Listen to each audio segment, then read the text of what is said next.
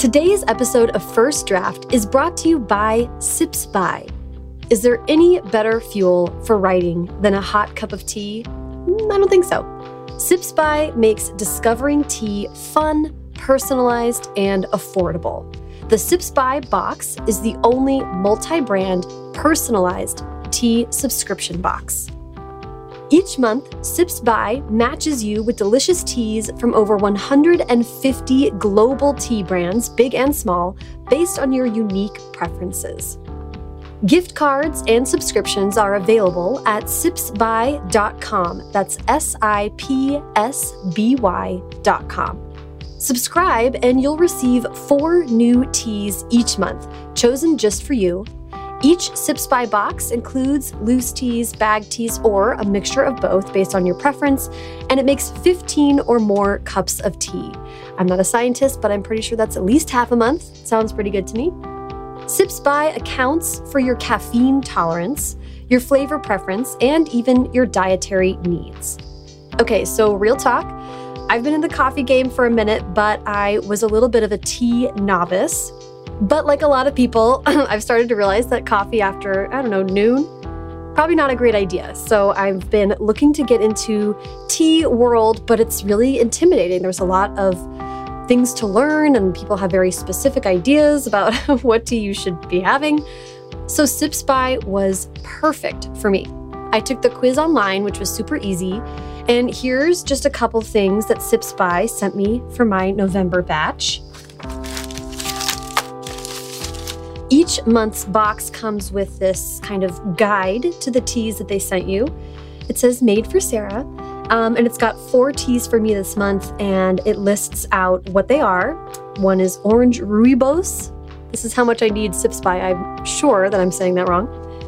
Black gunpowder, that's got high caffeine. That sounds fantastic. And every single one that they sent me comes with instructions on how to brew it, at what temperature, for how long, which is really great. I am a very new person in tea world, so that's extremely helpful for me. And it tells me not only who made the tea and what it is. But if I like it, it looks like I get 15% off of one. If I use their Sips By code, 20% off another Sips By. So if I find something through Sips By that is perfect for me, I can keep getting it at a discount because they introduced it to me, which is so fantastic. Follow Sips By, that's at S I P S B Y, on Instagram for weekly giveaways and more. And good news for listeners of First Draft, you can use the code First Draft, lowercase, all one word, for 50% off your first Sips By box at sipsby.com. Again, that's S I P S B Y. So make sure you're following Sips By on Instagram. Go to the website, take the quiz. It takes two seconds. You get 50% off of your first box if you use the code FIRST FIRSTDRAFT, all lowercase, all one word. So there's so little to lose for everyone who's doing NaNoWriMo and everything as well. This is the perfect fuel for the writing month. Get after it.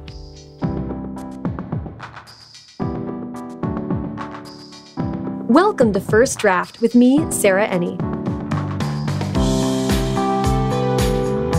This week I'm talking to Elizabeth Eulberg, author of YA novels The Lonely Hearts Club and Better Off Friends, and more and the acclaimed Great Shelby Holmes middle grade series.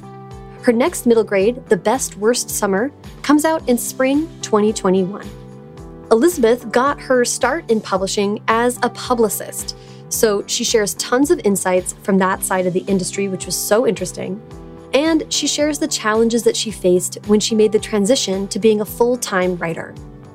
We also talk about outlining mysteries, her devoted Spanish language audience, and what she learned from writing retellings. You can support First Draft by subscribing to the podcast wherever you're listening right now, and by leaving a rating or review on Apple Podcasts.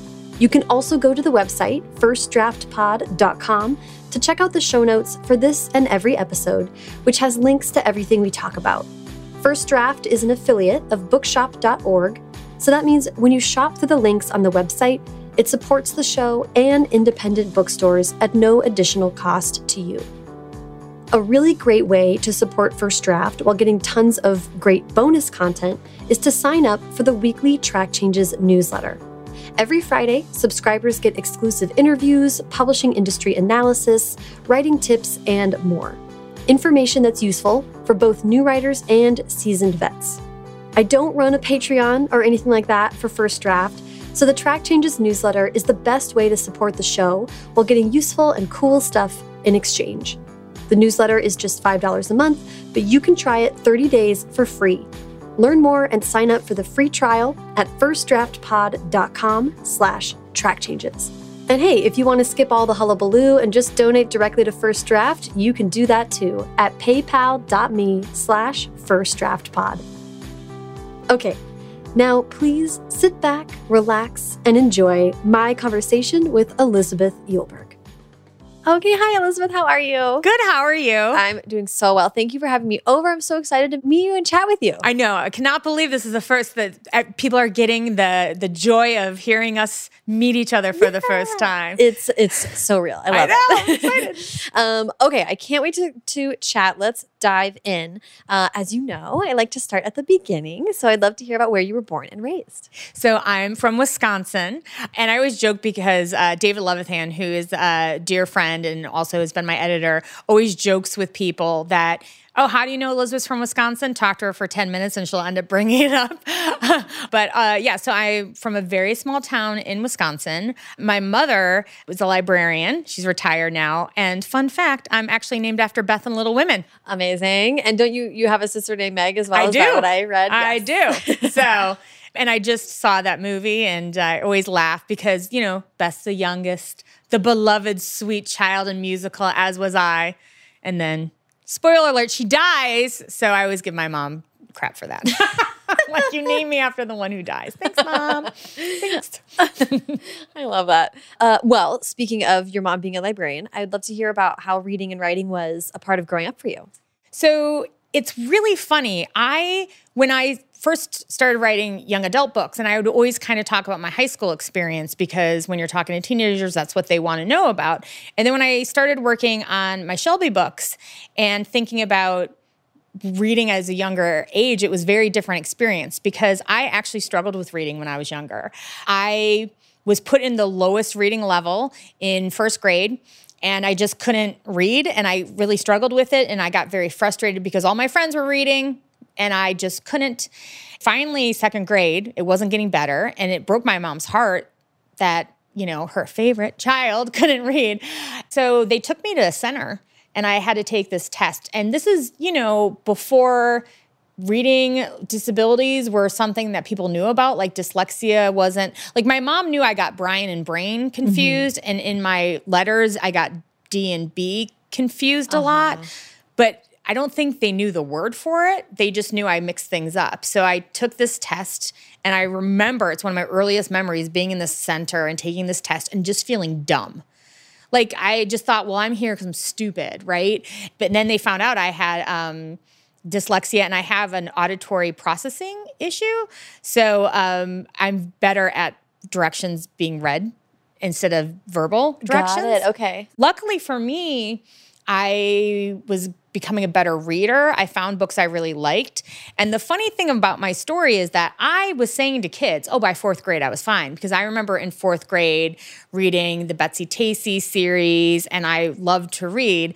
But I recently went through a bunch of my old report cards, and I was still failing reading in sixth grade. Whoa. Yeah. I. Wow. I don't know and and getting all my report cards it wasn't until for whatever reason halfway through 8th grade that I started becoming a better student and I was a great student in high school. I was in the honor roll, like I was dean's list. I and I graduated from college, you know, magna cum laude. So I just so I always say, especially to like parents and teachers, like do not pigeonhole your child so quickly. Some people just have a very different, longer journey. And, you know, if you would have probably told anybody when I was in second grade, fourth grade, or sixth grade that she was going to be a writer, they would have been like, no, no. I'm sorry. You must, you must be confused. um, I want to talk about when creative writing came to you, but I also want to talk about how music was a form of expression when you were a kid. Well, there was both actually. I look at this. you must do this a lot. Um, so they both kind of go hand in hand. I mean, the thing with music is I love music so much and I'm very appreciative for it because I was it was the thing I was good at when I couldn't read. Mm. So my mom always talks about how my sisters, my older sisters were playing piano. I was the one banging at the piano more than they were practicing. And music made me really good at math because when you learn music at a young age, you have whole notes and quarter notes and half notes and sixteenth notes. So you're taught um, uh, oh my gosh, fractions. like, I'm so good at math. What's that word? um, so when we got to that part in school, I remember being like, yeah, I know what a quarter is. Yeah. One fourth. I know right. what a like a, a third or a two third. Like it was just I already it was ingrained in me, and it was just something that was good for my confidence because I was good at it because I was again not good at school or reading. But the first time I wrote creatively is I wrote uh, song lyrics Yay! Oh my so, god, I love that. Which I I have them.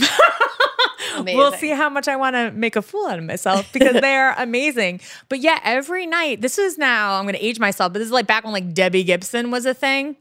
And so for me to see that there was a young girl who was a singer songwriter, I was like, I loved music and I want to be a singer. I want to be a Debbie Gibson. And so every night before bed, I would write one or two songs. So that's, that's that started my my like writing. Yeah. I'm so interested in your story of discovering publicity. Yes. And that that was what you wanted to study. Do you mind sharing that with us? Yeah, because it also has to do with music. Uh, so I was really into music. I thought career wise, I'd want to do something with music. And not again for someone to be like, how old is this person? But the internet did not exist. So I couldn't Google careers in the music industry. So luckily, my high school librarian got a book because it was my mom with careers in the music industry, and I read about them. And there were two of careers that sounded interesting because as much as I loved music, I did not think that I was pretty good for Portage, Wisconsin. Okay, but I wasn't going to be a classical pianist. I wasn't going to be, you know. Uh, I guess that would be it because clarinet or a first clarinet ad in like the New York Philharmonic. Um, I wasn't that good, but I just wanted music to be part of part of it. And so one of the careers I liked was public relations because it was being behind the person, being involved in that person's career, and also not like a boring job. I got to be creative. You get to be involved and work with media and book events. And so that's I went to college for public relations and then got a job out of school and Scholastic Entertainment was one of our clients because it was an entertainment firm. And then it was this weird, you know how things happen for a reason.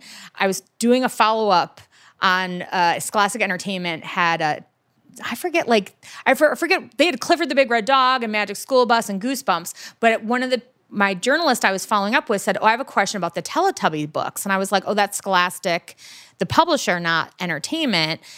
And my boss said it was one of his biggest mistakes. I said, Oh, who should they talk to? He's like, Well, why don't you call the head of publicity at Scholastic? So I did, and I said who I was, and there's a reporter. And the director of publicity at the time said, You know, I'm just asking everybody while I have you on the phone. We're looking for a publicist. Do you know of anybody? And mind you, I had been working now for maybe 10 months out of college, and I was an assistant. But you know, go big or go home. I was like, well, me.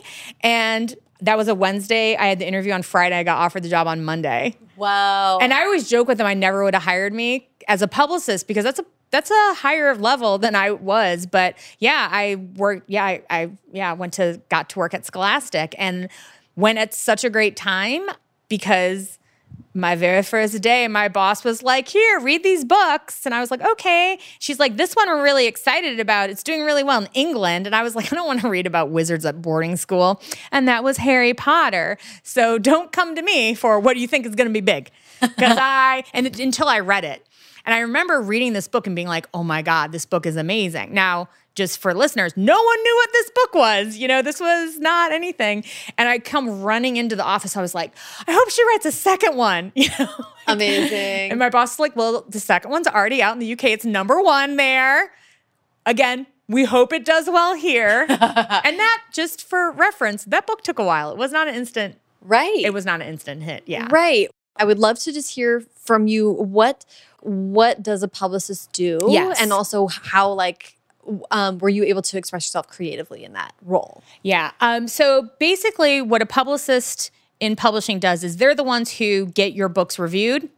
They are the ones who book events, pitch you to conferences. Well, li- there's usually library conferences with someone else, but to book festivals like the LA Times Book Festival, North Texas Teen Book Fest, they're the ones who kind of do the public face. Now, one thing I once said in, bunch, in front of a bunch of authors that made them go, oh my God, I never thought about this, is that publicists, I think, have some of the hardest jobs because in marketing, if a marketing person says, we are going to do this ad here, this ad will get placed because they have the money and it's going to be made.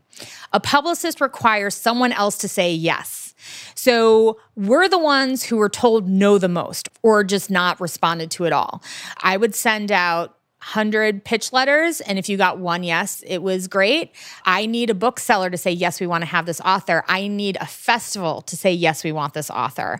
And it's not always as easy as you think. I mean and again my boss who worked on the harry potter series had a file folder of all the rejections she got from media to interview j.k rowling you know, it's it was it was large because no one cares that something's big in the UK. Right. You know, it doesn't that doesn't mean anything. There it does. In the UK, this book's huge in America, has cachet. Here it it just doesn't as much.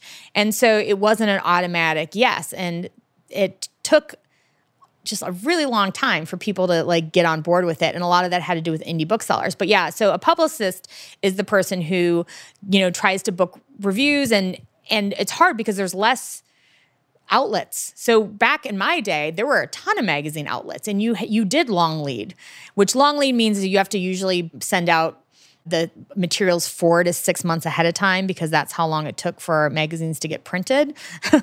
doesn't exist. That doesn't happen anymore. but yeah, and, and doing events and booking tours. And that was also based on what I was told we had the money to do that for.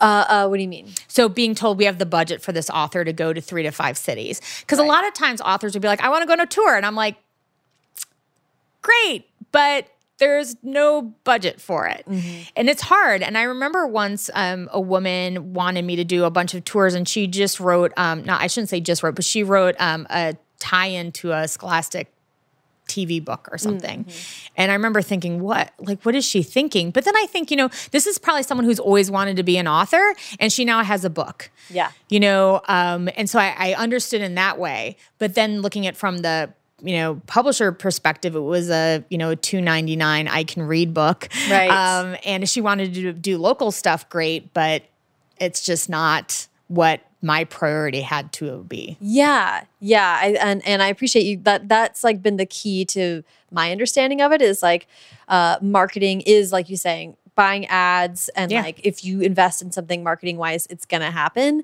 And publicity is like we're gonna try everything we can, but ultimately, other people have to want to book you on their show or whatever. I do want to talk about your time as a publicist because because it was like you said like a really wild and yeah. amazing time to be yes. doing your job and you you did that for 10 years is that yeah right? yeah a little yeah. over 10 yeah I don't I don't know like which order you want to tackle it in but I heard that you met JK Rowling a bunch of times yes. Suzanne Collins you knew well enough yes. that she was at your book launch yes. and that you were director of publicity for Stephenie Meyer yes holy shit okay that's like a pretty great pedigree no big deal super famous um yeah the funny thing is out of all of this, the the author who's responsible for me being an author is actually Dave Pilkey, the Captain Underpants author. Because when you talked, and I didn't get a chance to because I go off topic, uh, about being creative in publicity. Oh, yes. My Captain Underpants press materials are probably the greatest things I've ever written.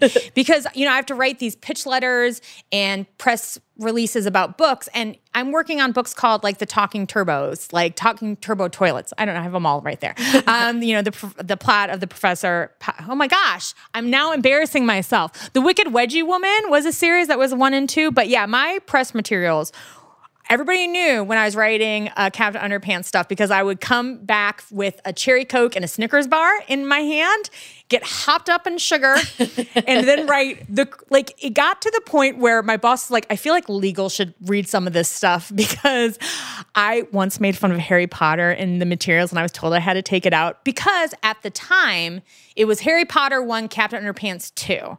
So I just kind of wanted to be like, it's the second best selling book series in America behind a funny looking kid with glasses, you know? And they're like, maybe don't make fun of That's so good. Harry though. Potter.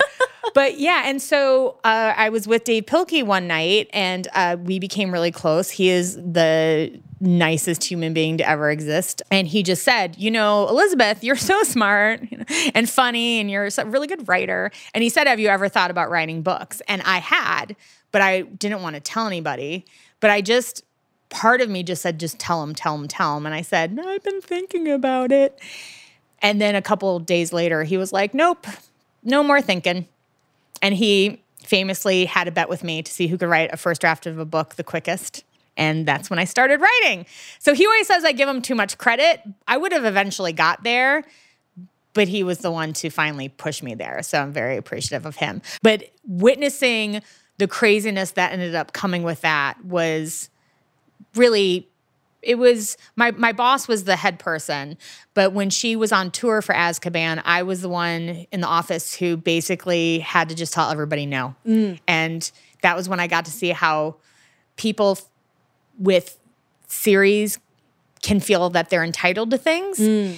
And I mean, it was just crazy. I, and it was like a lot of media people, like, I hear J.K. Rowling is in town. I want five minutes to interview her. I was like, sorry, sir, she's not available. It's only five minutes, but you're the 400th person today to ask for that. But I will never forget this woman in the Atlanta area is a mom called. My daughter loves her books. I would like her to come to her school. I said she's unavailable. She's like, but I see that, you know, she has this event here and this event here. What else is she doing? And I was like, you know, it is private. I'm not going to divulge her schedule. And the woman called me four times. And I finally said to her, ma'am, you can keep calling me. It's not going to change the answer, but the tone of my voice is going to. Ooh, I like that. Because I just couldn't, I didn't know, but it was this whole thing of, well, but I, and it's like, but millions of people do. And I think witnessing that prepared me for the Twilight craziness. Yeah, I do want to talk about this, and I'm and I I want to be clear that I'm not asking you to like divulge behind the scenes, whatever, because Yeah. I know that you can't. But I do, from what I've read, not to tell you your story to you, but no, I'm like, what are, what are people saying about me? from what I've read, you had you were reluctant to jump into writing for a lot of reasons, and I'm wondering if the fact that you saw this like massive Oh. success up close w- was maybe in some way raise the stakes in your mind of what it meant to be a writer or I don't know. Well, you know? It's so the Lonely Hearts Club. I started writing before I knew who Stephenie Meyer was. It mm-hmm. was before I moved to Little Brown, so it was before that. I think for me, I- I think one of the reasons why, well, I, I know one of the reasons why is because. I was that person. I worked with a lot of picture book people, especially at Scholastic, David Shannon and Mark Teague, and Brian Selznick, and I would be at events with them and hear so many people go, My kids love the stories I tell them at bed. I could write a book. And I think I heard so many people just think that writing a book is so easy and that they can do it. And I remember thinking, well, why do I think I'm any different? Hmm. And here's the thing anybody could write a book, but you have to actually sit down and do it. And I think the idea of writing a book is a lot more romantic than actually writing a book. and I mean, even as a publicist, I was thinking, oh God, how much great it must be for these authors. Like they're just at home working. And then I think about, this is back when you called people all the time. I was constantly calling and interrupting their workday, but never thinking about it until now I'm like, oh God, you know, and I can choose when to listen to my to go on and like look at email, right? Yeah. So I think it was more that because I was already had written Lonely Hearts Club before Okay. I yeah Okay. was with Stephenie. So that's how the, Yeah. the timeline Yeah. worked. Uh, um, and I, I wanted, we're going to talk about Lonely Hearts Club very specifically. yeah. But before that, I, I have to hear a little bit about. So you went to Little Brown as that was ramping up, or what was the timeline? So I started at Little Brown a year before the book came out. Okay. So they were like, this is going to be our big book. So I wasn't there when it was acquired. I just remember being like, vampires, okie doke. And uh, so the joke was, I was, you know, I go there, I hadn't read the book. Everybody who read it liked it. And they were like, oh, this is going to be big. And I knew they paid a lot of money for it. And I was head of publicity. So I knew that a lot of the pressure was going to fall on me. But then I knew it had an interesting story about this, you know, Mormon w- woman, mom who got a dream and then wrote it and all this stuff. So that was like As a publicist, you want a good backstory. Like J.K. Rowling had one single welfare mother, you know, with a kid and wrote by hand and a coffee. Like, so you want that story. And so I was flying to visit a friend in Telluride and I missed my connecting flight in Houston and there was only one a day. Oh, wow. And I had the arc of Twilight and I was like, oh, God, I guess I'm going to read this book now. You know, and I was like, I really liked it, which was good, you know, because I was worried. Because believe me, you don't like all the books you Right. work on. But yeah, I'm, you know, it, Twilight hit at the right time. It came at a time where, first of all, social media was starting to become a thing, MySpace. So people and blogging, so people were able to have voice a voice about what books they like to an an audience. Also, where everybody was wondering, what's next after Harry Potter? And so, um, so the timing was really good, and also the rabid fan pa- fan base was really good. And that was something where that first year I kept saying to Stephenie, "You realize this isn't normal, right?" Like so many things were happening where I kept saying this is not normal, and and she was like, "No, I had a feeling," you know, because just a lot of stuff happened. And the first book, which I would just like to point out, that first book got a lot of starred reviews and a lot of acclaim. People seem to forget that now but that first book did. And um, industry wise people really liked it. And and also look i did a lot for that book but also so did marketing so did sales. Like just one like cog in the wheel is not going to get a book to become a phenomenon yeah and then it just kind of grew and it just got to be the point where i'm very glad i had the get got to witness harry potter things to get me prepared Right. Yeah, That's really interesting. I'm interested in, in that. Do you, I mean, to whatever degree you I think it's about. more just knowing about when signings were going to get out of control that you had to be really strict. You know, and you had to start off being really strict. You know, you couldn't all of a sudden one event have something and say, "Well, now the rules have changed."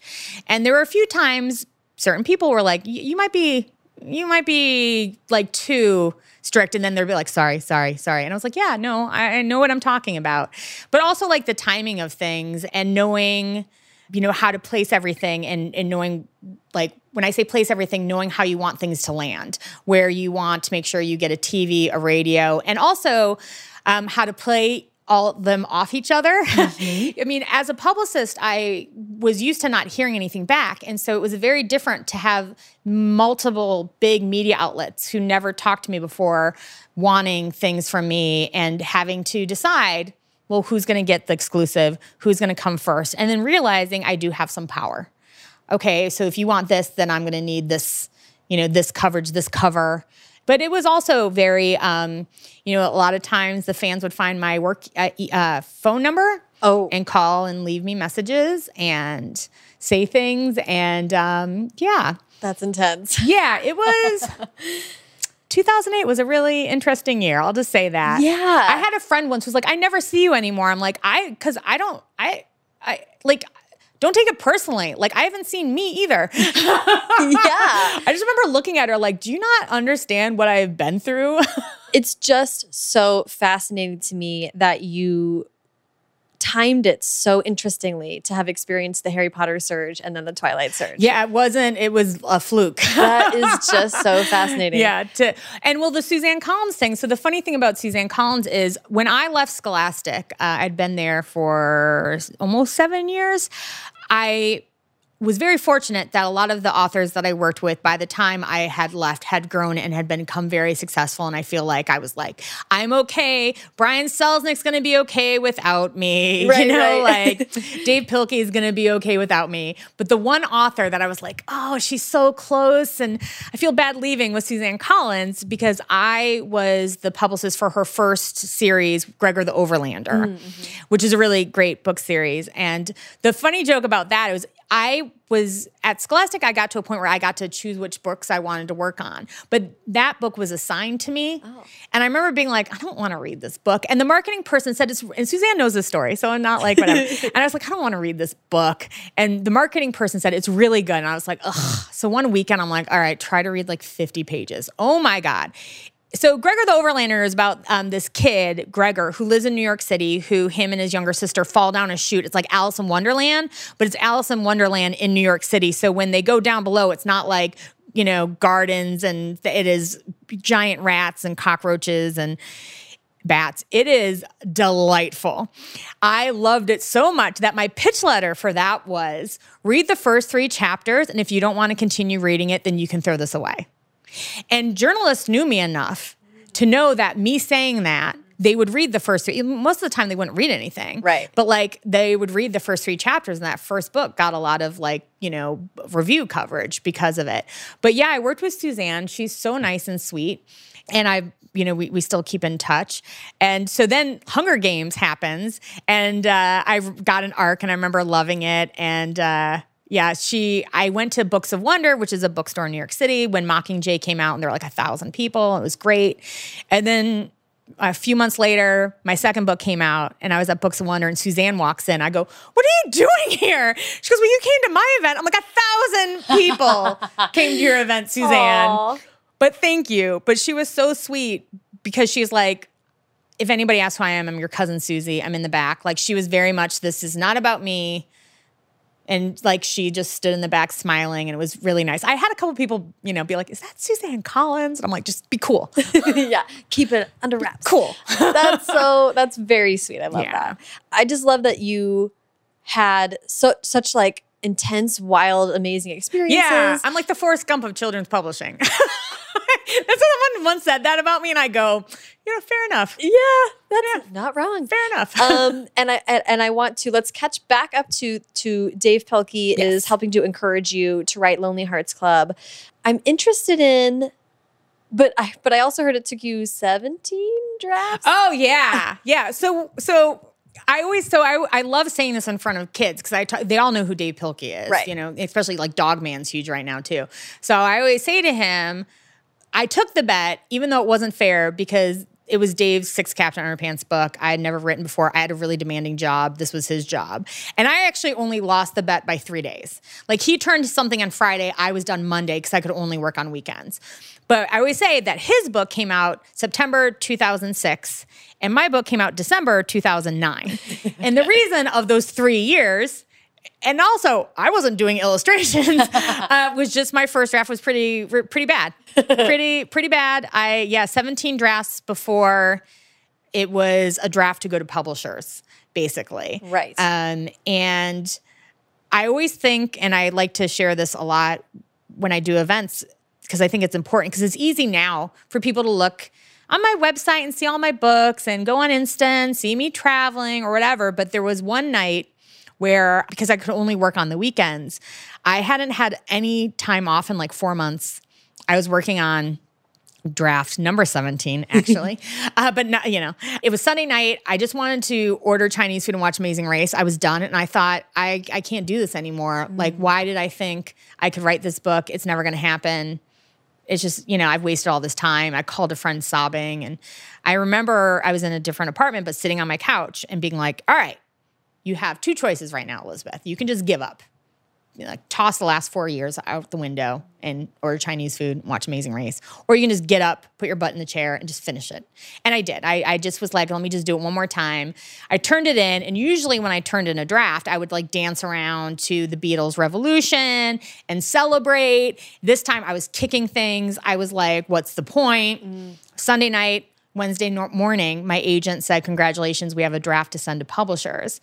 And the reason why I tell that story is because I was saying, like, I legitimately almost gave up. And I say that I almost gave up on mile 26 of a marathon, which is 26.2 miles, mm. because I didn't know I was at, I only had 0.2 miles left, right? Like I had no idea. And, and when you're stuck in the middle of something hard, it's very hard for you to see the other side of it and to know you're going to get past it. And when I think about all the things I've accomplished, the proudest I am of myself is the fact that that day I was like, just finish it. Yeah. Yeah. That's a great story. Yeah. Uh, and you did your own amazing race. I did. I did. Sorry, There- it was same sitting amount of right there. tears and stress. it was sitting right there. I had to do it. Um, uh, but I don't want to skip over getting an agent, and I, I especially like. I'm really interested in hearing about your process as someone who's been in the industry and then was able to participate in the industry from another angle. So, uh, because I do think actually a lot of people have are able to do that, but also it's great for people to know how this works. I don't know. So it's so I'm I'm interested in you're you're writing and then you're thinking about getting representation. You're surrounded by book people all the time. So kind of how did you navigate that? So I was doing this in secret because I was surrounded by so many people. And the the good and the bad about being someone who works in publishing right on writing a book is I am not anonymous. So that can be good because oh, everybody knows Elizabeth, right? The bad is everybody knows me. So I the rejection is going to be by someone that I'm going to see you know there's like just socially or yeah, in a work environment yeah you know so I, no one like no one knew i was working on a book like only very very close friends like david levithan again one of my closest friends didn't know i was writing a book um, and your mom didn't I no, my mom didn't. My parents did not know until I had an offer. and the reason why, because when you talk about people who don't know, is I knew they would ask me every time they talked to me, how's the book going? And for the reason why I took four years was because there would be six months I couldn't work on it because I was too busy. So there would, you know, so I I waited until I knew it was going to be an actual thing. Yeah. So the agent thing is funny. First of all, I'm I'm no longer with my first agent, which is common. But I will say Dav Pilkey is responsible for my first agent because he told on me. He told uh, he was he's with Writer's House and he told an agent at Writer's House I was working on a book. So she called me and was like, "I hear you're working on a book," and I was horrified. I was like, "Oh my, I can't believe." And so then the next thing she said was, "You better show me it first. So I'm very grateful to him because, and I always used to say to people, "You can." Hate me for the fact that I find I think getting an agent's one of the hardest parts agreed because I always say to people like once you get an agent and you just need one yes, you know, and that's a lot of publishing. I always try to remind people I'm currently on submission for uh, something right now, and I'm always like, you just need one yes. It's just it's true. You need one agent to want to represent you, one publisher to want to publish your book. And everybody here knows. And so I'm very fortunate that the beginning of my career, I had an agent who wanted to read my books. Now she made me do several of those drafts were because of her before she was satisfied. But then things happen. Then I had to actually do the query, right the agent query, um, Right. which was, you know, interesting. It was, you know, doing my research. And so for people who are like, but how do I find an agent? Jennifer Weiner, the adult author, has, I think, some of the best um, advice is that she talks about us authors write acknowledgments. yeah And those acknowledgments, if they don't include an agent, that's there's a reason why, right? So if you are writing high concept fantasy romance, when you read those books, look at the agents in the back, right? So look at the agents who represent books that are similar to yours. Like if you're writing historical fiction, do not look at someone who's writing like who re- who represents not that agents don't represent a breadth of material. But I also know a lot of author friends. So when I was looking, I just made a list. I talked to people, but I also talked to people who were represented by those agents because I am very fortunate that I can be like, hey, talk to me about working with your agent and knowing what questions to ask. Mm-hmm. And the questions I asked were, like, how long does it take to get a response? Because I feel like that's really important to know. Agents have a lot of clients. Doesn't mean that they should get back to you within an hour, but within a day or two. How many revisions are they going to make you do? There's some agents who everything's fine. There are some who will make you do many drafts. Now, Lonely Hearts Club did require all those drafts, so that is not that is on me. Yeah, and so it was. I always say like now I've been through it of of doing the research, and it's it's a hard thing, but also it's stressful. But I know a lot of authors who are on uh, not their first agent. yes very You know, many It is a business, and if it gets to a point where it's not working for whatever reason, then you move on. Yeah, you can move on and it's pretty normal Yeah. and understood by all parties, you know, like be professional, but it's but if it's not working, it's not working. And it's like a job, you know. Yeah. Then you also do your research, apply to jobs where you know, you know what I mean? Like, Yeah. so just approach it that way. And I think it takes a lot of pressure off. Um, Yes. Like getting an agent is not uh, a superhuman feat. It's just another kind of business thing Yeah. to go about doing. yeah, it's a yeah, hundred percent business. You need someone who is going to look after your interests and be involved. And also, there's one agent I was thinking of, and an editor friend was like, "Oh my god, no." Anybody Really? but this person. And I was like, you do not you want an agent who's tough, but not someone that that editors completely dread hearing from because it's going to make them not want to work with that you know um, agent regardless of who they're representing Yes, I've been talking to a lot of. I'll just speak for myself because I don't obviously know who you're talking about, but I've been talking to a lot of editors lately, and yeah, some agents make their lives harder, and they don't like that. Yeah. and and I don't blame them for that. Um, so I always tell people like when when you're talking about an agent, you're talking about someone who's speaking for you out in the world, and you really want to be aware of what the person who's speaking for you is like because sometimes I don't I don't it was important to me that my agent was very upfront with me about that. She was Yeah. like, if you want a shark, that's not me. That's not how I conduct myself and my business. And I want, you know, I ask for your trust because I treat everyone like we're all a part of the same team. Yeah, I you know, and I worked with agents back when I was a, a publicist as well, and so I there was one agent who was horrible to not only me but pretty much anybody at the publisher, and like would just yell and and here's the thing, also authors to know is if you yell at your publicist, your publicist is the one who has to then be the one to be excited about your book. And I once had an author call me an idiot, and I was like, for not not a good reason. Like, I mean, not that there's ever a good reason to call someone an idiot, but I remember being like, then a a very prominent journalist called and said, "What are you excited about this spring?" Do you think, sir, your book is going to be the first one out of my mouth? You know, and so I always try to be. I thank you. I can't even say someone. I had a, a I was on a plane with an author who had her debut adult novel. She goes, "Oh, you used to work in publicity. Tell me what should I do?" And I was like, "Say thank you." Like you're coming back from a festival where they had to do like a, you know, an itinerary for you. You thank them for sending you. I always, which is just because I used to be a publicist, I always tell them how it was and like I give feedback. I also think it's helpful for them to know. Yeah. Like, oh, this was well attended. It was great. I sold, I think, this many books. Like, I just feel like it's helpful for them as well. Um, so it's not just I get sent somewhere and then they don't hear anything. Right. So it's a thank you and report. I also give gifts at the holidays.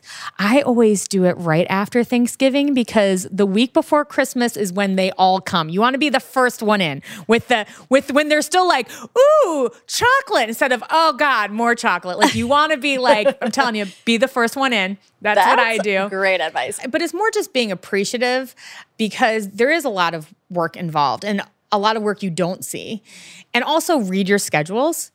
I can't tell you. Okay, so so Ooh, this, this one, is really good advice. no, but this is hilarious. So I was at a book festival and my publicist from Scholastic was there, and there was another author from Scholastic. So we're getting ready for this day of conferences, speaking, this whole thing. And this guy comes down and says to the publicist, So, like, I have to be honest, I don't really know what this thing is. Like, what am I doing today? And she goes, Oh, well, I gave you an itinerary that said everything? He goes, Yeah, I didn't read that. So what do I do? I get in there and I go, because I can, because I'm not a publicist now. I'm an author. And I turn to the guy. And also, we had dinner the night before. So he knew that I was jovial joker. Anyways, I go, I'm sorry, do you think she wrote that itinerary for her, like meant like for her amusement?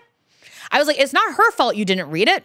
It is your job. You are here. All the information you need is there. So you should open it up and read it instead of having her explain something she already gave you. And he was like, Oh, I'm so sorry. I'm so sorry. And then later, apparently, she went back to Scholastic, and, and I was like a, you know, there was like a, a figure, an urban myth. They're like, Did you once hear about the time? because it's true. Like, I've had authors be like, What's happening today? I'm like, Did you get a schedule? Yeah. Well, read it. Oh my God. Yeah. You know, Yep. like I do. I read. I make sure I know where everything's happening, and and and it's good to be prepared. Okay, let's talk about your book. Oh, okay, yeah, let's that. Talk, let's talk about Lonely Hearts Club. Um, I want, uh, if you don't mind, uh, pitching that book for us. Yes. So the Lonely Hearts Club is about a girl named Penny Lane Bloom. Her parents are big Beatles fans, who gets her heart broken and then kind of realizes that all of her friends, all the stuff you give up to be in a relationship. So she basically decides to stop dating boys in high school because they're not worth the trouble. So she starts a club originally for herself called the Lonely Hearts Club. And then other people are like, wait, wait what's this i want to i want to i want to get in on the no dating and not dealing with boys and being female focused and um and then a boy comes along who may be worth it i don't know I, I'm interested in, in hearing about when you started writing in earnest, though you were kind of keeping it on the down low. Yeah. How did you structure that time for yourself and commit to it? Yeah, it's it's funny. It's it's like so long ago when I started writing, but I do remember all I knew Penny Lane stopped dating and I sat down to write and I was like, "Oh, like I was like, why? Why did she who are her friends?" I just like I didn't have a notebook. I just kind of I don't I don't know what. I didn't, you know, but it's a first book. Everybody doesn't know what they're doing for their first book. Yeah. Um yeah, so I struggled a lot, like so much so that I can't even remember. I just knew that weekends were when I could write, and so that's kind of what I what I did. And, and Thanksgiving weekend was always big for me because it was extra. Because I didn't, I don't go home for Thanksgiving because that flight's just too expensive. And so yeah, so then I'd be like, I have four days. You know, it was it'd be great. Like I would always Thanksgiving was always like a big weekend for me. Just four days to get work done, and a lot of times I traveled a lot in the fall and spring. So then it would be the summer. Mm-hmm. But yeah, it was pretty much weekends. Wow, which Yeah. is great. I mean, I, and the reason I ask is because I know there's a lot of people who are Yeah. working full time and trying to make make it work and make time for it. So it's good to hear from someone who did it. Well, and then as I became more disciplined, when I started having contracts Mm. and having time, is I would give myself word co- word count goals Mm-hmm. every weekend, and there were it was usually. 10,000 words on the weekend, 5,000 Saturday, 5,000 Sunday. However, during the week when I was commuting to work, I would start making notes and writing down. So when I would sit down on Saturday, I knew what I was writing. And even though that seems a lot, I would do 2,500, eat lunch, 2,500. Like, and if I did it, there was a cupcake place. They would see me stroll in Sunday night and I would get a cupcake. That's amazing. That was like my reward. uh, yeah. And I just kind of was very, and I'm very good with it. I still do that now. I have, like, I'm in the middle of doing an edit. And so I, I break it down by the chapters. You have to do three chapters a day. Because when you look at it that way, it's easier instead of I have to edit a 50,000 word middle grade novel in three weeks. You Yeah. know, like three chapters a day. also, I struggle when I became a full time writer because I Monday through Friday was my thinking time, my time to jot notes and leisurely think about it. And I didn't realize that I was allowed to give myself that now during the week. I remember the very first Monday of a full time writer, I sat down and was like, You need to write. You need to start writing this book. But I don't know what I'm doing. No, this is your job now. You know, I didn't give myself like a week to just think and make notes. And so it, yeah, it was really funny. so, I mean, that's the thing. If you're, oh, I have this job, I have this long commute, use that commute to think. When you're just forced to think, it doesn't, for me, it doesn't work. Mm-hmm. If I'm stuck, I will go for a walk. I'll put music on and go for a walk. And generally, when I'm not thinking about it, I'll go, oh, you know what? It, it sounds yeah, but I feel like I I'm appreciative for that that commute into Manhattan every day Yeah. on that bus because that's when I just figured stuff out. Yeah. So once you started writing, you really started writing. Yeah. You had a book come out in 2010, 2011, 2012, Oh, yeah. 2013, 2014. Yeah. And then you started doing two a year. I know. Uh, I mean, I'm just so interested in this. Were you really focused on that? Was it like your goal to do one a year? Or how did you kind of, when you got started, what were.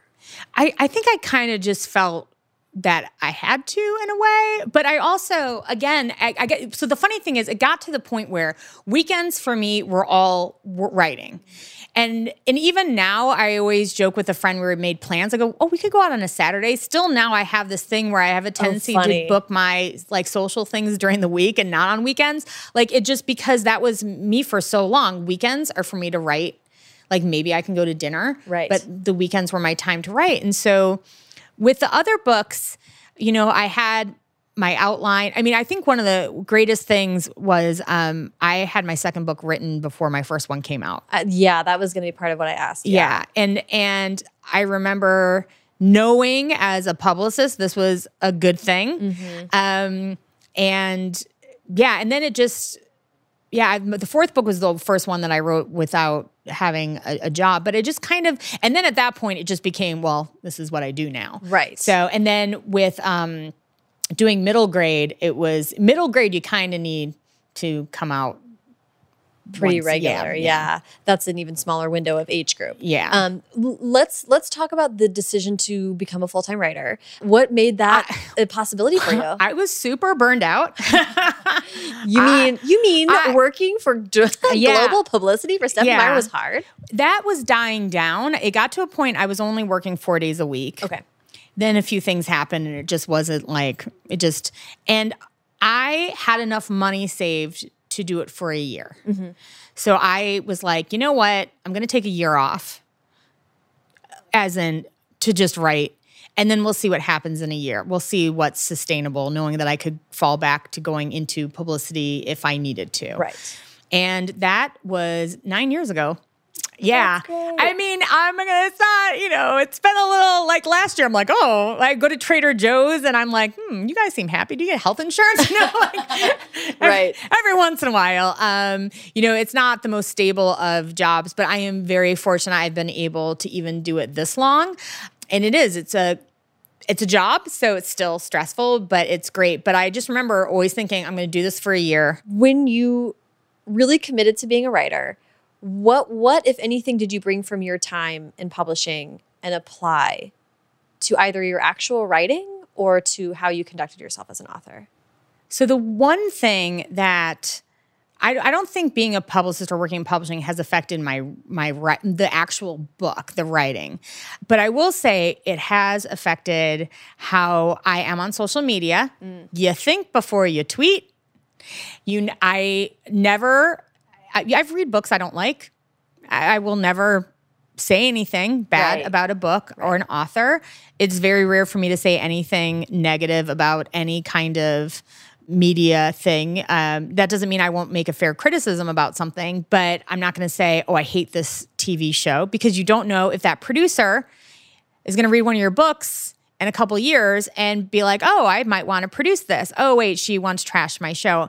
Also, I think there is way too much negativity online and there's no place for it. I mean, I just don't want to be part of it. I've had, I've been un- unfortunate to have some of that directed to me, as I think anybody does. I also try to be very engaging with readers, but also because of the experience I had with rabid fan bases, I have a tendency to kind of mm. sometimes do a little step back. Um, I won't say like where I ha- am having dinner. and also, um, I try to, you know, writing can be frustrating, right? But I will never be like, this book's a pile of garbage. like, even if there are times I think that. Like, I think it's good, it's good to be honest about being frustrated about writing and that it's not easy. But You can be frustrated with the process. yeah, yes. But like, you know, having any saying anything or about your book cover or about your publisher, you know, you just look, we all have things to complain about, but publishers see that and they'll be like, "Oh, so you know, Jane Doe over here is complaining about her marketing. So if we have her, she is she going to complain about ours? Like that's what you have your agent to do to have conversations if you're not happy and taking it to a public um, area is is not good. So I yeah I I'm I was always more aware of that.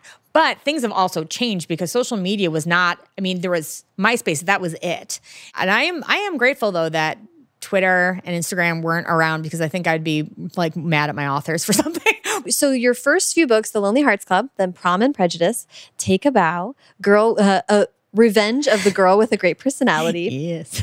Better Off Friends, We Can Work It Out. Oh wait, yeah, and We Can Work It Out was then in 2015 and is a sequel to Lonely Hearts Club, which came out in 2010. Yes. Yes. So I know. My first my first question is about about the books in between. They're they are kind of like they have a similar vibe, like young adult, a lot of friendship stories, and a lot of music still uh, throughout. I'm just interested in was it conscious? I'm, interested in finding your voice. I guess. yeah. I mean, music, as I mentioned, was such a big part of my childhood and high school experience that I always wanted music to be part of it.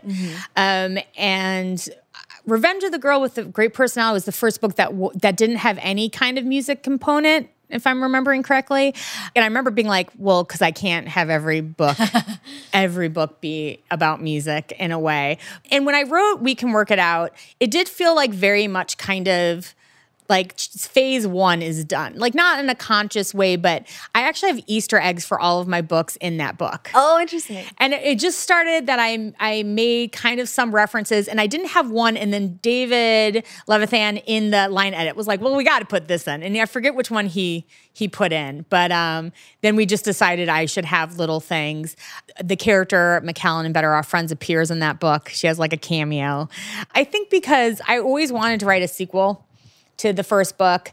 And it finally got to a point with either I'm going to do it now or it's not going to happen. Because Mm-hmm. five years is a very long time between sequels, Right. to- between books. And one of the reasons why I wanted to do it was because I did feel that there was another story to tell. But also, that book in particular had done really well in Spanish language. Right. And so um, it had ramped up in popularity there. So I knew that they, so it got to a point where I was like, well, I'm going to write a sequel. Is it going to come out in the United States as well? Right, right, right. right. kind of a thing. I, and I want to be really clear on this because I was listening to your wonderful conversation with Yin on 88 Cups of Tea, and I'll link to that conversation. So I don't want to re- repeat everything you said there, but I was totally compelled by you talking about just how massive your fan base Yeah. is in Spanish language. Yeah. And like for you, like it's a it's something you need to think about career wise. Yes, yes. I'm just interested in how you discovered that and then how you kind of like manage that. Yeah. Social media is how I discovered it. Like I knew, oh, your book's coming out. You know, you have a Spanish language publisher, your book's coming out. And then I started getting notes on Twitter, mostly on Twitter, like, you know, kisses from Mexico, kisses from Spain. And and I kept seeing a lot of stuff about, and I remember thinking, I think my book does really well in Sp- Spanish language, like only because of the notes and emails I got from Spanish language readers.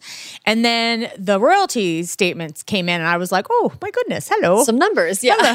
Hola, ¿cómo estás? Um, but it's funny because passionate readers can be very loud and so you can sometimes think that they aren't as big as as you imagine right? It mm-hmm. could be the same 20 people. Right. and i people kept saying you should come to this guadalajara book festival which is in mexico. And i really wanted to go but i'm like i don't know. And f- i finally got to a point i said to my agent hey i really want to go to this festival. If it is a matter of the flight I will pay for my flight down there if they do everything else. And the response we got was my publisher being like, oh my God, she wants to come? Of course. Like, we'll have her. Here are the dates. She doesn't have to pay for anything. And it was so surprising that they thought, like, wow, she, like, I'm sorry, do I want to come somewhere where people really like my books? But I remember going down there and not knowing what to expect because I did a bunch of media. They always, these book festivals in Latin America, there are always a ton of media there, like just days of just media of interviews, which That's cool. just doesn't happen here. Right. Um, and then I was getting ready to do my big panel, and I was having uh, lunch with the marketing person. She said, "Oh, that you know, people have been lined up for hours," and I was like, "Really? Okay." And then walking out to like 400 people screaming, I was like, "I don't know what to do because this," and they don't understand that this doesn't happen here. Right. Is my is my favorite is that they just they're like after that event and this crazy signing they said, "Are you? How was this okay? Was this okay?" And I'm like, "This was like the greatest day of my of my life. Like I don't know how. Like yeah, yeah, this was more than okay. Can I do this every day? you Yeah, know? right. Um, yeah, and I'm very fortunate. I've gotten to do some events, but in talking about my publishing, I do get a little nervous now that I don't have a YA book out anytime soon, and I do think a lot about my Latin uh, American, my Spanish language readers being like, I gotta, I gotta make sure I have stuff for them. Right. I would love to talk about deciding to try middle grade. Yes. How did this come about? Um, I had some friends uh, start writing middle grade and saying how much they like it. And also, publishing can be, you know, not the most um, reliable. Like you just you just don't know what's going to happen. You don't know what's going to be big. And contemporary was having a bit of a slump. And I just I'm very fast if I know what I'm doing. It's very important for me to say if I know what I'm doing. So I thought, well, let me see if I needed to come up with an idea first. Like I knew I wanted to do something that was going to be a series, which I had never really done before. And then I came up with an idea to do a retelling of Sherlock Holmes. But in my version, Sherlock Holmes is a nine year old girl named Shelby, Watson's 11 year old boy. And uh, it was so much fun to do the research Oh yeah. because I read all the Sherlock Holmes books. I read all these like nonfiction. Oh, I put them. Oh, they're over there. But I read all these nonfiction uh, books about not only Sherlock Holmes but forensics, forensic psychology. I'd watch Forensic Files. Like and writing the books were a lot of fun because I'm writing uh, now. I'm writing a detective story, a mystery instead of you know. But writing from middle grade, you have to keep the plot going so quick. There's no time to luxuriate in feelings, you know, that in YA is expected of you. And it does force you to be a better plotter. Um, and yeah, it was fun. I have to say, my favorite about doing um, middle grade is going to do the school groups. And I was told, you're going to do so many school visits. And I was like, oh, now I'm like, okay, throw me up in front of how many kids? How many kids can I talk to? Because high school kids are great and they're wonderful. And, but when you are forced upon them in English class, they just don't care, right? Maybe they do, but they can't pretend like they're interested because the person next to them not always but a lot of times there's just not this enthusiasm you get and i remember i would have been the same way Yep. Ear- earnestness is Yeah. uh, death in Yeah. high school. Yeah, no, I Yeah. and you know, I go you go in front of these kids who will look at you, you know, we're third, fourth, fifth graders and be like, "You wrote a book." I'm like, "I did." That's so cool. I'm like, "It is."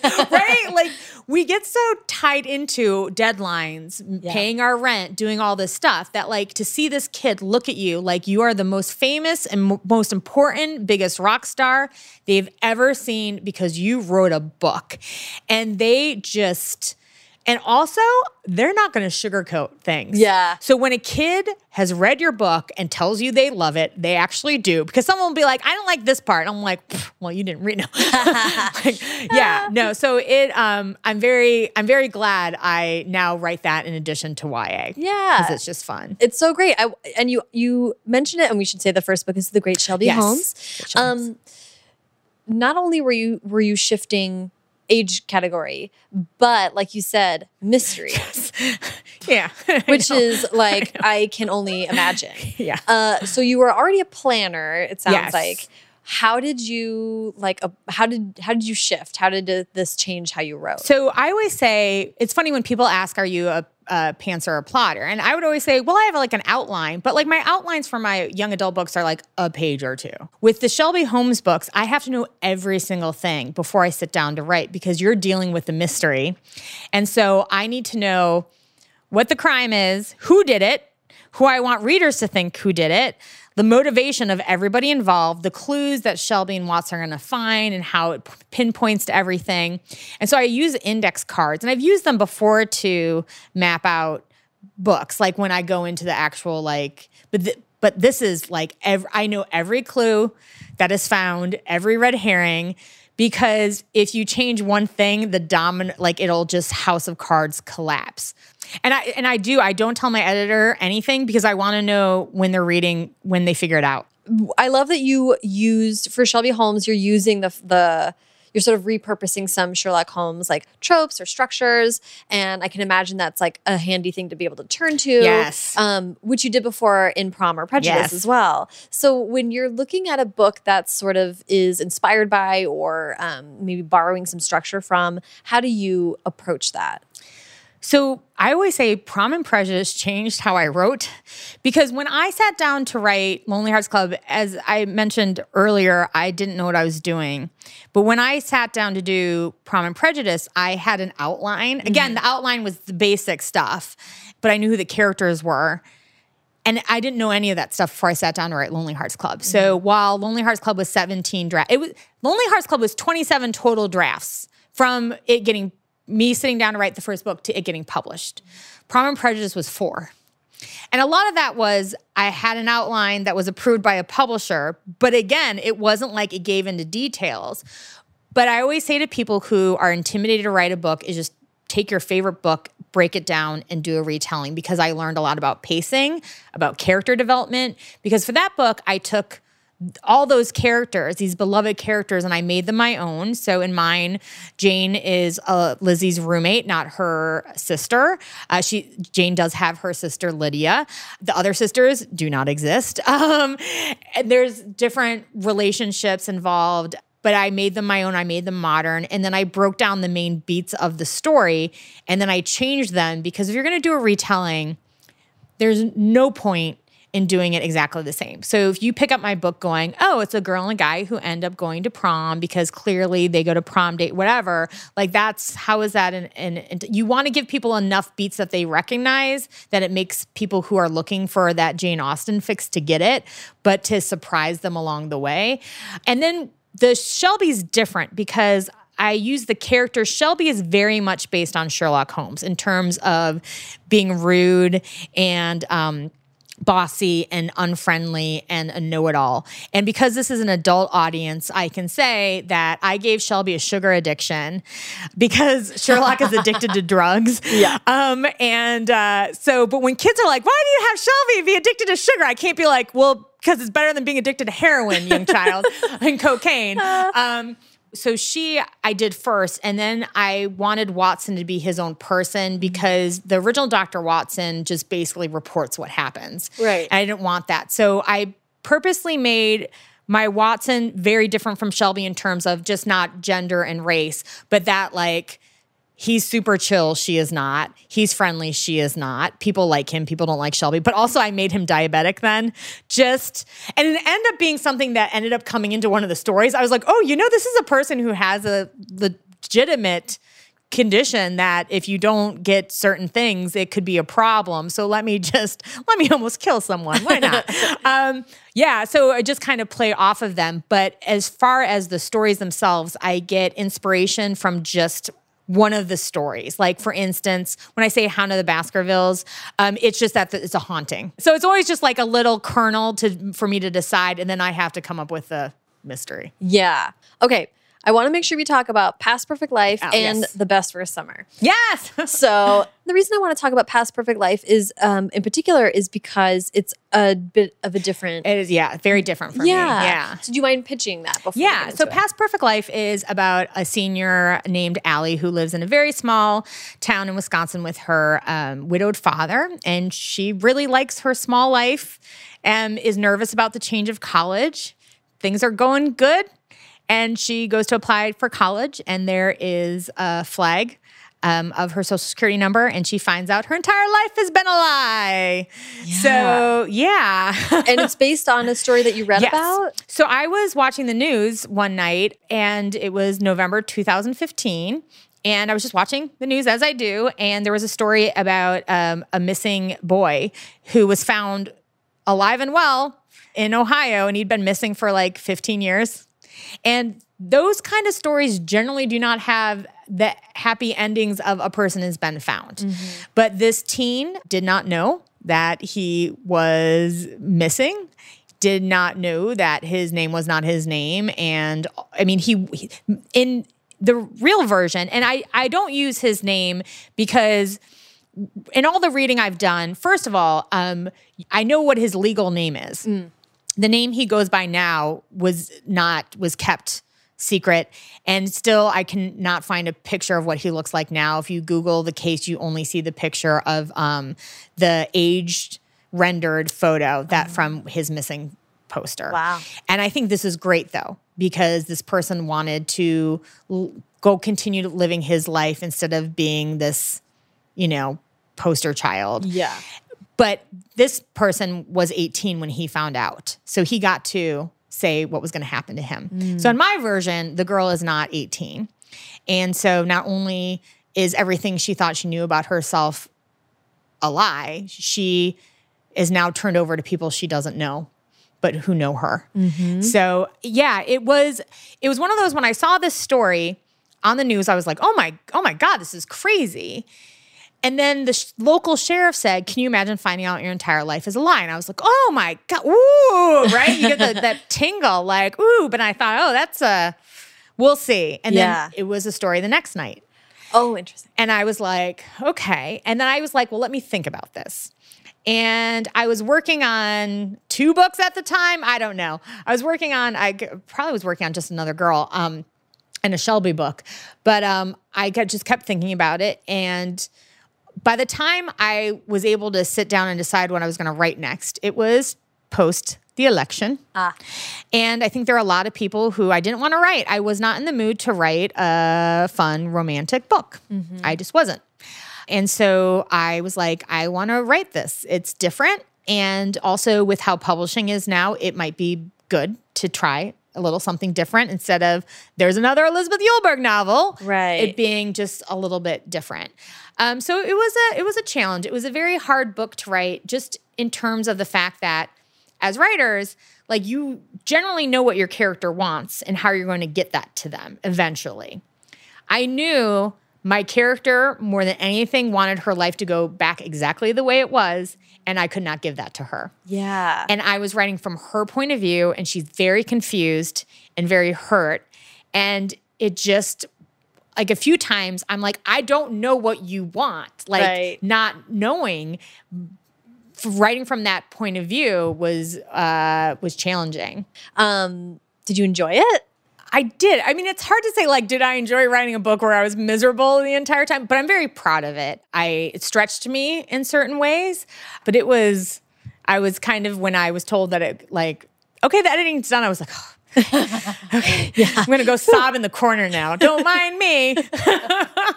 I can I feel you on that. I was very excited. I, I I think I wrote the was I writing the fourth Shelby book after that or the third? I just remember being like Shelby, yay, candy. Hijinks. I know. Uh, yeah. Almost murder. Hooray. I know.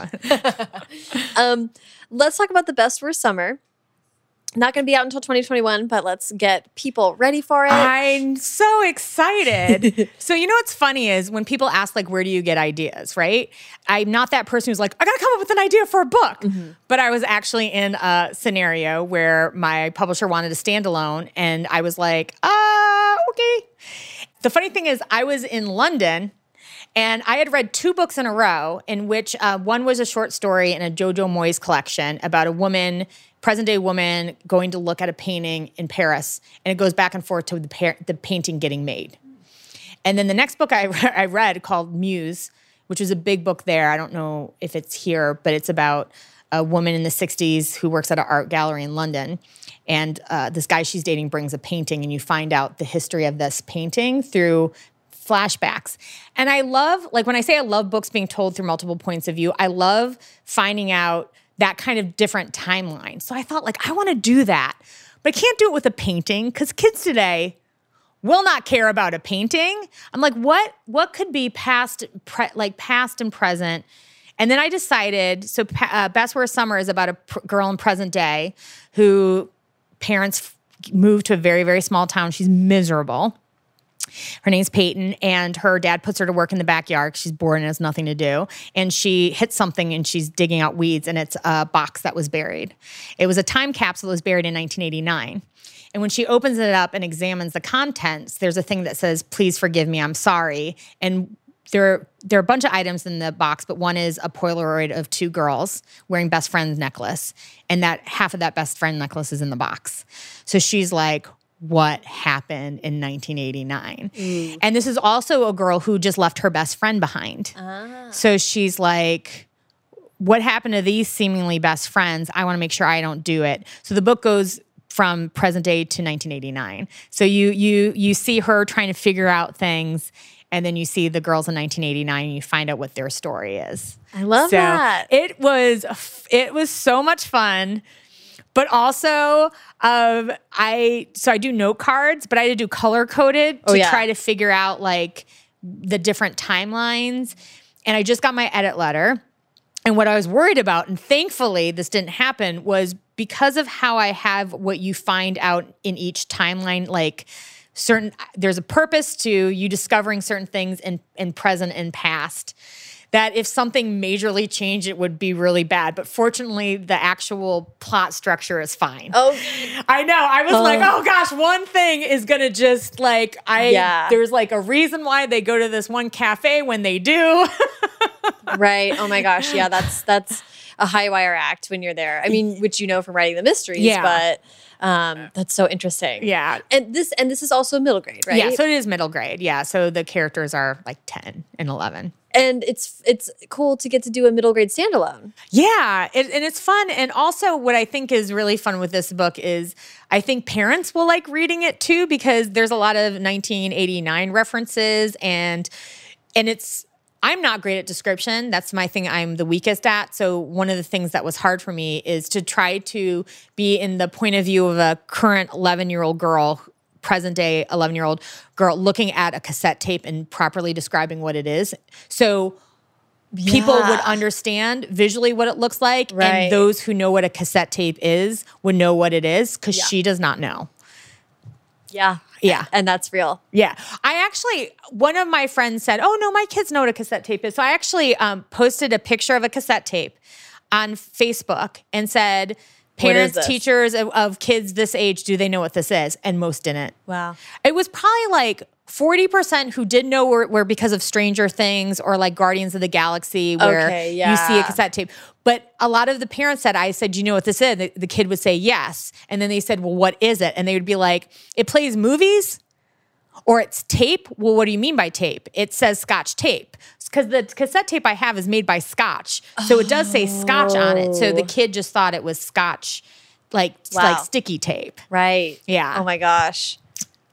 Oh so Oh yeah, it's funny because I'm just like, okay, so I- I'm not good at describing things anyways. No, and also the imagining how you to describe what that looks like is really wild. Yeah. Like it's just it's a cassette tape. Yeah. Yeah, That's like that's the thing. And when she finally asked her dad, he's like, "It's a, it's a, it's a tape," and she's like, "I don't what, What cassette tape." She's like, "I don't like what you play it in like a boombox." I don't know. Yeah, like, what- you know, and the dad's like, "Stop making me feel old." she's just like, "I don't know what you're talking about." That's so funny. Actually, and like film, like having film have to get developed because she finds a not just a roll of film, a disc film. Remember oh, disc yes, cameras? A hundred percent. Yeah. Boy. So that takes seven to 10 business days nowadays. Yeah. Yeah. Wow. Okay. so interesting. Uh, you're. I'm actually like. I- have a character discover similar stuff in my book. Oh, yeah. So I'm like, oh shit, I need to make sure I'm describing that well. Uh, Uh, You know, I mean, and your readers will pro like some of the kids are gonna. Yeah. It's gonna be interesting. yeah. I'm actually gonna have a friend who has a 10 year old daughter read an early manuscript just to be like, just making sure yeah. there's. I'm not totally confusing. Besides her being like, "Who's Joey McIntyre from New Kids on the Block?" and why does this one character really like him a lot? like, don't worry about it. oh my gosh, I love that. Um, well, um, as you know, I like to wrap up with advice. You have given amazing advice so far, uh, tons and tons of it. But I guess maybe let's hear from you as someone who has for the last few years been juggling YA and middle grade and like, you know, releasing sometimes two books a year. How have you found a balance there? How do you approach doing those two things at once? I'm very rarely in the same place with a book. So um, there there was one time I had three deadlines going, which is I not good. But I was like, you know what? It's actually fine because one was a first edit, mm-hmm. which requires a certain part of brain. One was a copy edit, and then one was page proofs. Mm-hmm. And with that, I just kind of said, well, what can, what's the quick and down and dirty that I can get done for like what's going to not take the most brain? And I'm just really good at scheduling things. Mm-hmm. And right now, I'm working on this edit for. Um, Best Worst Summer, but I have another edit that was due, and I said to the editor, I, I can't have it until I'm done with this. So you can give it to me anytime, but know that I'm not looking at it until April 1st. You know, and but I'm fortunate that the deadlines make it that way. She had more time, so it was fine for me to say that. But but knowing I can't work on two things at this like at the exact same time. Right. So um, even when I had um, three things due, it would be like, okay, so three days a week I'm going to work on this, and then two days a week I'm going to work on on that. Mm-hmm. Um, it just makes it easier. But also like I, but it's all stuff I want to work on for the most part, you know, and so it's exciting. But I I do have to say this.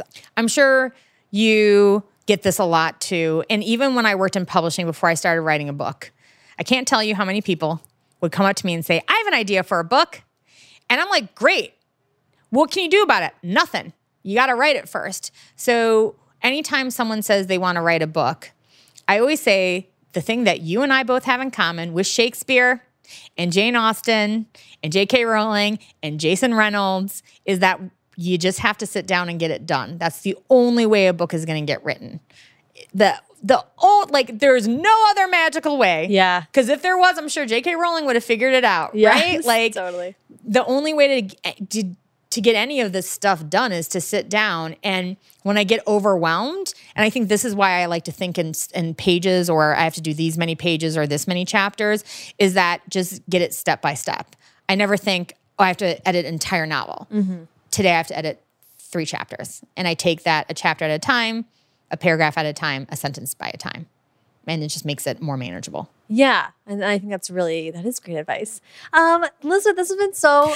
Thank you. Oh my Thank you for spending the morning with me. thank you and let's let's chat again sometime. I oh happy to do it and good luck to everybody. Just keep your butts in the chair and write. Love it. Yes, do it. Thank you so much to Elizabeth. Follow her on Twitter at Eliz Eulberg and Instagram at Elizabeth Eulberg. Follow me on both at Sarah Enni and the show at First Draft Pod. And thanks to our sponsor, Sips By, which you can follow on Instagram at Sips By, that's S I P S B Y, for weekly giveaways and more. And remember, for First Draft listeners, use the code FIRSTDRAFT for 50% off your first Sips By box at sipsby.com. Haley Hirschman produces First Draft, and today's episode was produced and sound designed by Callie Wright. The theme music is by Dan Bailey, and the logo was designed by Colin Keith. Thanks also to transcriptionist at large, Julie Anderson. And as ever, thanks to you, Sugar Addicts, for listening.